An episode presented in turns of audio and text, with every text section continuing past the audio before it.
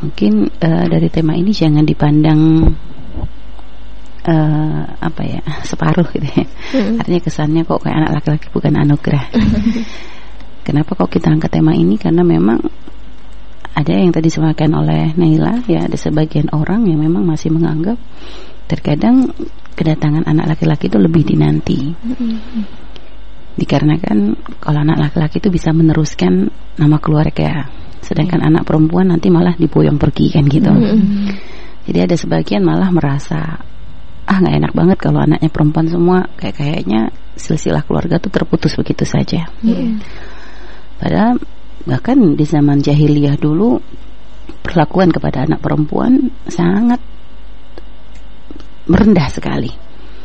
Hampir bukan hanya di zaman jahiliyah saja, bukan hanya di kalangan uh, orang Arab jahiliyah, bahkan hampir di semua pelosok, ibaratnya hampir semua di dunia ini dari baik itu di Yunani, Cina dan berbagai negara dulu itu wanita benar-benar sangat-sangat direndahkan.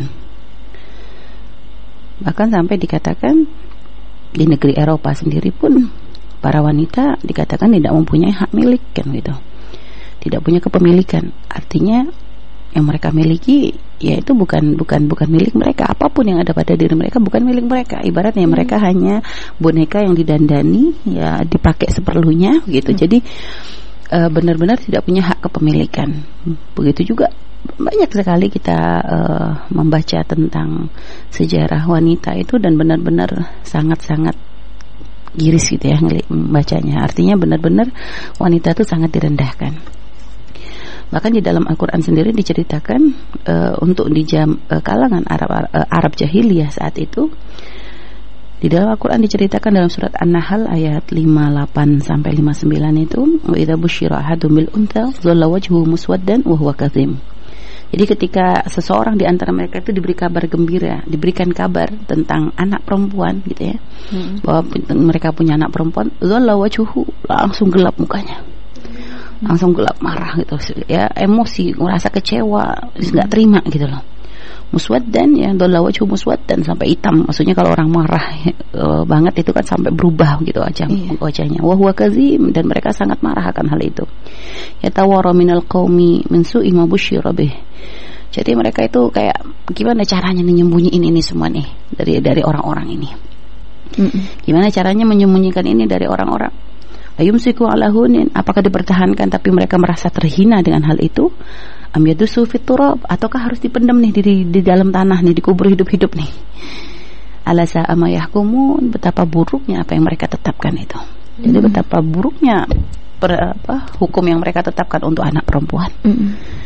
Sehingga mungkin kita pernah mendengar cerita bahkan uh, orang yang paling dekat dengan Nabi Muhammad SAW termasuk hmm. dari kibar sahabat dulunya pun ketika zaman jahiliyah pun masih menggunakan hal itu itu Sayyidina Umar bin Khattab itu adalah kisah masyhur bagaimana beliau Artinya menunjukkan begitu kerasnya hatinya Sayyidina Umar gitu ya, begitu, begitu kerasnya Sayyidina Umar sampai Buya juga sering menceritakan bahwa beliau itu tega membunuh anaknya, menguburkan anaknya hidup-hidup, bahkan di saat lagi menggali janggutnya pun kotor, anaknya membersihkan tapi tetap tega juga untuk menguburkan anaknya putrinya hidup-hidup. Hmm. Dan menunjukkan kerasnya akan tapi lihat orang kalau sudah kenal Allah, kenal Rasulullah hatinya berubah menjadi sangat sangat sangat lembut sekali. Hmm. Maka akhirnya lihat Sayyidina Umar biasa bermain dengan putra-putrinya itu yang masih kecil-kecil itu biasa beliau sambil main-main guling-guling sampai uh, ditanya oleh seorang hakim. Saat itu yang kebetulan bertamu di rumah beliau, seorang uh, seorang pejabat yang sedang bertamu seperti ini yang kau lakukan di rumah wahai imam lihat hmm. dijawab ya emangnya kenapa saya nah Umar saya itu bingung ya kenapa emangnya aku kalau pulang ke rumah yang lagi tidur bangun yang duduk ini tegap langsung pokoknya semuanya dengan posisi yang pokoknya siap menerima yeah. perintah lah pokoknya hmm. gitu akhirnya Zainal Umar kalau gitu kamu gak pantas jadi pejabat yang gak bisa berkasih sayang dengan keluarganya gak akan bisa berkasih sayang dengan umat Nabi Muhammad lihat hmm. jadi makanya Islam tuh benar-benar memperhatikan urusan ini sehingga Rasulullah pun memberikan semangat kepada para uh, setiap orang gitu kan untuk tidak lagi membiarkan tradisi yang tadi itu yaitu menguburkan putrinya hidup-hidup atau merasa malu dengan wanita ya ini menjadi suatu hal yang masih dipertahankan. Hmm. sehingga Rasulullah benar-benar memuliakan wanita. Artinya wanita ditempatkan di tempat mulia menjadi istri mulia menjadi ibu mulia ya. Jadi hmm. dari awal pun mereka dimuliakan gitu kan. Karena memang ya Islam seperti itu rahmatan lil alamin karena ingin menghapus ya pemahaman-pemahaman yang salah yang selama ini sudah sudah mencokol di hati orang-orang saat itu yaitu tentang masalah rendahnya wanita. Hmm. Padahal inna akramakum indallahi atqakum. Yang paling bertakwa, yang paling mulia adalah yang paling takwa, bukan urusan laki perempuan, kaya, miskin, tua, muda nggak ada. Yang penting yang paling takwa maka dia dia adalah yang paling mulia di hadapan Allah. Hmm. Sehingga makanya di dalam Islam sendiri lihat bahkan jauh sebelum Nabi Muhammad Islam pun sebenarnya sudah memuliakan wanita. Bagaimana dikisahkan tentang Sayyidah Maryam? Sayyidah Maryam itu zamannya siapa? Zaman Nabi Isa. Mm-hmm. Akan tapi sudah ditunjukkan keutamaan seorang wanita di situ. Bagaimana Sayyidah Hannah ketika bernazar untuk menyerahkan putranya putri, uh, yang dikandungnya ini adalah untuk Allah lalu tiba-tiba diberikan anak perempuan tapi ternyata perempuan yang luar biasa yang bisa menjaga dirinya bahkan diberikan kemuliaan oleh Allah sampai-sampai Nabi Zakaria pun takjub kan dengan kelebihan yang diberikan yang diberikan diberikan oleh Allah kepada Sayyidina Maryam. Okay. Ya, ini menunjukkan bahwa wanita tidak ada tidak akan tidak direndahkan sebenarnya dalam Islam. Mm. Kalau setelah itu ada kalangan Arab jahiliyah yang merendahkan wanita itu bukan Islam. Mm. Islam tidak seperti itu.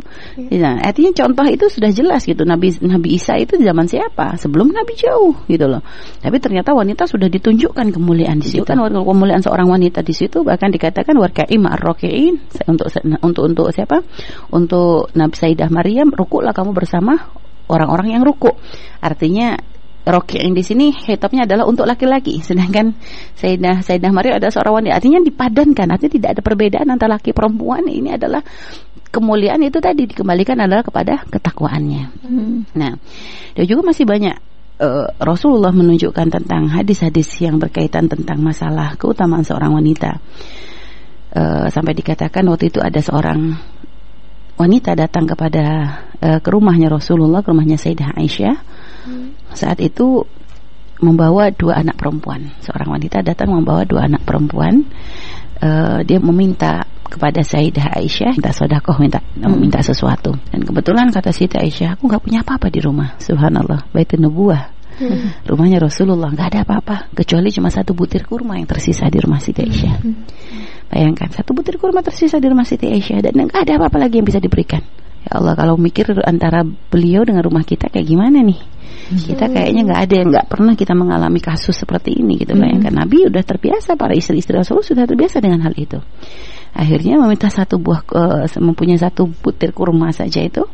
Akhirnya cuma ada itu saja yang tersisa maka itu yang diberikan kepada wanita tadi. Hmm.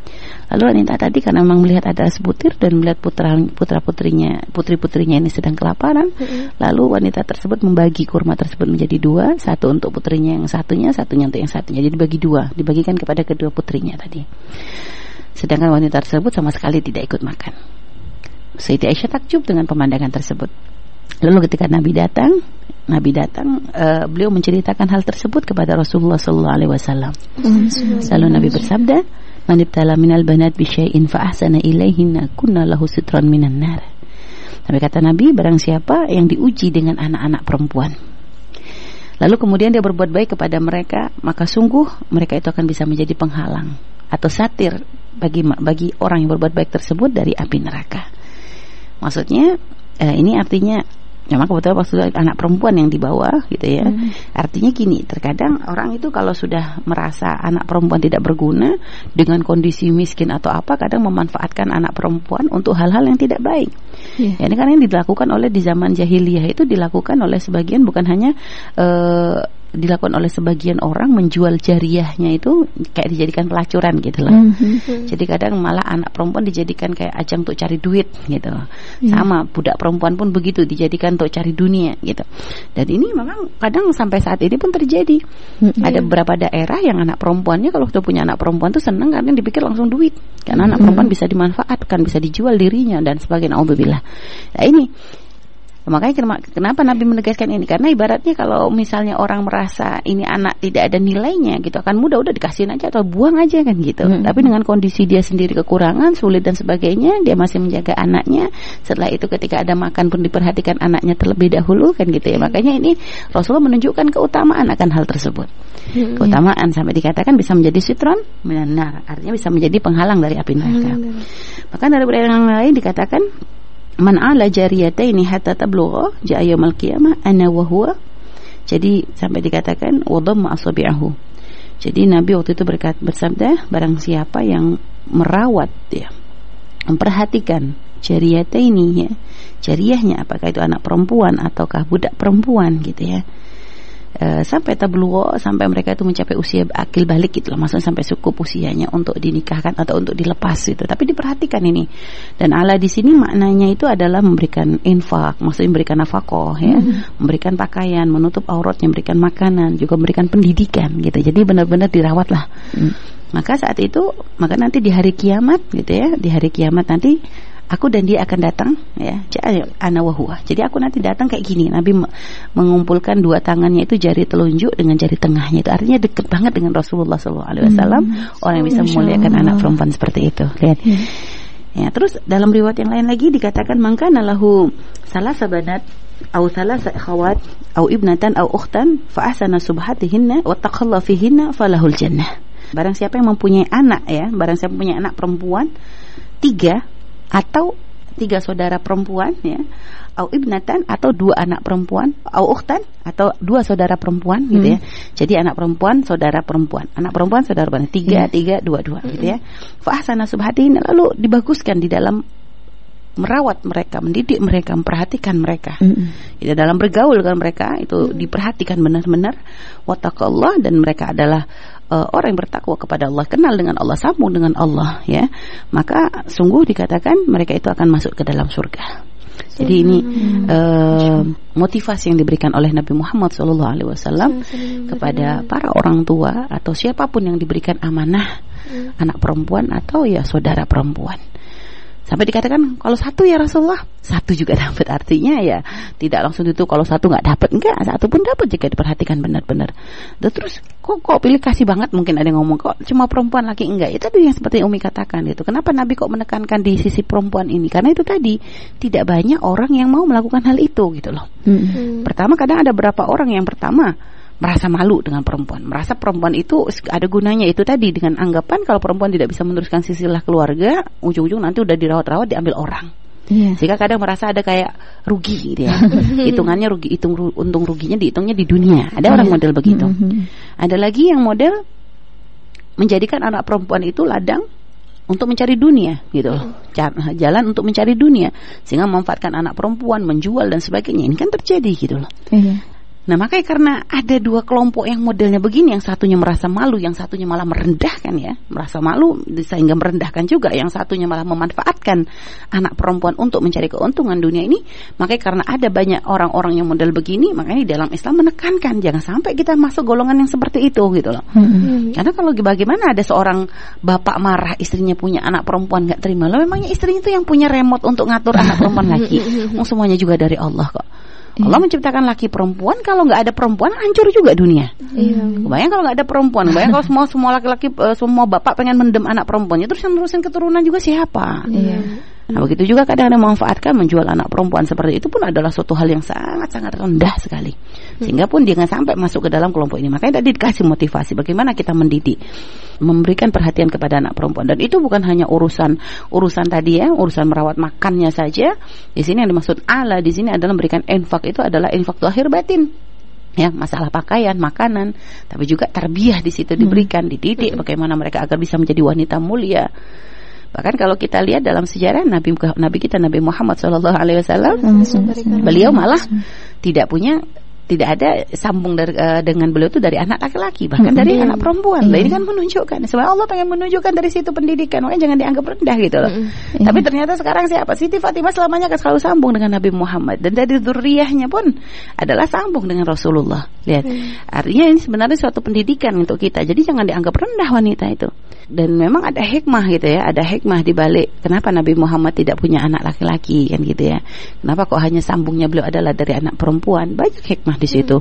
Di antaranya memang eh, hikmah yang terbesar adalah dikarenakan memang semua para nabi itu kalau punya putra laki-laki maka putranya pun menjadi nabi. Iya. Rata-rata seperti itu. Seperti Nabi Ibrahim punya putra Nabi Ismail, ah, beliau pun jadi nabi. Ada lagi putra Ishak bernama, ya, beliau pun jadi Nabi Ishak, lihat yang jadi nabi. Jadi begitu. Sama Said, eh, Nabi Zakaria punya putra yang bernama Yahya, kan gitu. Itu pun adalah nabi. Jadi memang biasa silsilahnya apa nabi itu bersambung pada putranya kan begitu. Iya. Akan tapi untuk Nabi Muhammad karena beliau adalah khatamul anbiya gitu kan penutupnya para nabi sehingga memang tidak ada anak laki-laki yang diberikan. Ada anak laki-laki akan tapi semuanya meninggal di saat masih kecil gitu Iya. ya. Eh, sehingga apa namanya dah karena memang nabi adalah penutup. Jadi kalau nabi nanti punya anak laki-laki gak jadi nabi akan aneh. Nabi sebelumnya jadi nabi kok kan Iya. gitu. Sehingga makanya an- anak laki-laki beliau semuanya meninggal di usia masih kecil. Tapi yang bersambung dengan beliau adalah anak-anak perempuan beliau. Dan itu pun pendidikan bukan dari sisi itu juga sebenarnya untuk mengangkat derajatnya para wanita kan gitu. Bagaimana nabi kita memperhatikan putri-putrinya menikahkan mereka dengan orang-orang yang luar biasa orang-orang yang mulia dihantarkan mereka untuk menjadi wanita-wanita soleh ahli syurga lihat kan? Dinikahkan dengan eh, putra beliau dua orang dinikahkan dengan seorang laki-laki yang luar biasa yang bahkan malaikat pun merasa malu yaitu Sayyidina Utsman yang satu lagi Sayyidah Fatimah dinikahkan dengan eh, dengan seorang laki-laki yang luar biasa Sayyidina Abi eh, Sayyidina Ali bin Abi Thalib. Dengan Sayyidah Zainab memang awalnya menikah dengan seorang laki-laki yang masih belum memeluk agama Islam. Kafir dipisah lagi oleh Nabi. Setelah itu ketika suaminya sudah eh, bersyahadat kembali dikembalikan lagi kepada suami itu adalah seorang mulia juga. Jadi lihat artinya memang dipilihkan benar-benar dihantarkan itu sampai benar-benar mereka tuh bisa ketemu jalan menuju surga Allah lah gitu loh.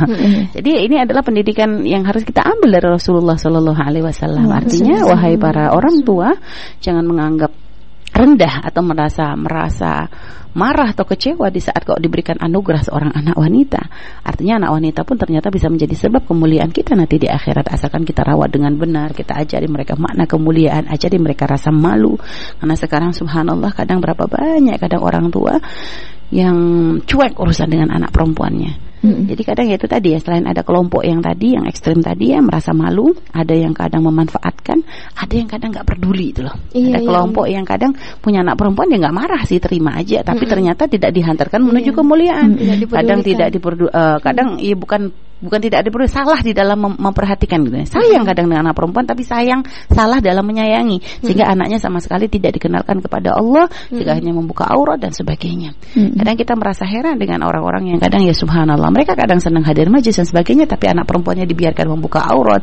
Bahkan kadang ya subhanallah melakukan pekerjaan yang yang yang kadang ya tidak aman bagi agamanya gitu kan. Ini kan banyak terjadi. Kita kadang menemukan terus di mana kecemburuannya gitu loh. Di mana kecemburuannya. Nah kan kadang orang-orang dulu saja tuh benar-benar luar biasa untuk urusan anak perempuan. Anak perempuan kadang diberi aturan tuh lebih ketat gitu ya. Karena memang ya merasa ini anak perempuan harus lebih lebih diperhatikan. Dulu. Lebih dijaga kan gitu ya lebih dijaga bener-bener ibaratnya gitu. Tapi sekarang kadang anak perempuan dibiarin jalan malam anak perempuan dibiarin jalan dengan orang laki-laki yang bukan mahramnya anak perempuan dibiarin keleleran di mana-mana ibaratnya kan gitu kan. Berapa banyak sekarang? Buka aurat buka ini semuanya naudzubillah. Sehingga kadang ya akhirnya malah menjadi rendah. Rasulullah sudah mengangkat kita tapi kita sendiri yang merendahkan. Kaum wanita sendiri yang merendahkan dirinya sendiri. Maka semoga Allah menjaga kita dan yang diberkahi dengan anak perempuan. Semoga dijadikan orang tua yang amanah yang bisa menghantarkan putrinya itu menjadi ahli syurga agar bisa bersanding bersama Rasulullah. Yang pengen bersanding Rasulullah, itulah perjuangan kita itu. Yaitu didik anak kita kenal Allah, didik kenal Rasulullah, ajari kemuliaan, ajari rasa malu dan sebagainya, maka nanti akan bisa bersanding dengan Nabi Muhammad sallallahu alaihi wasallam. Baik Allah alam bisawab.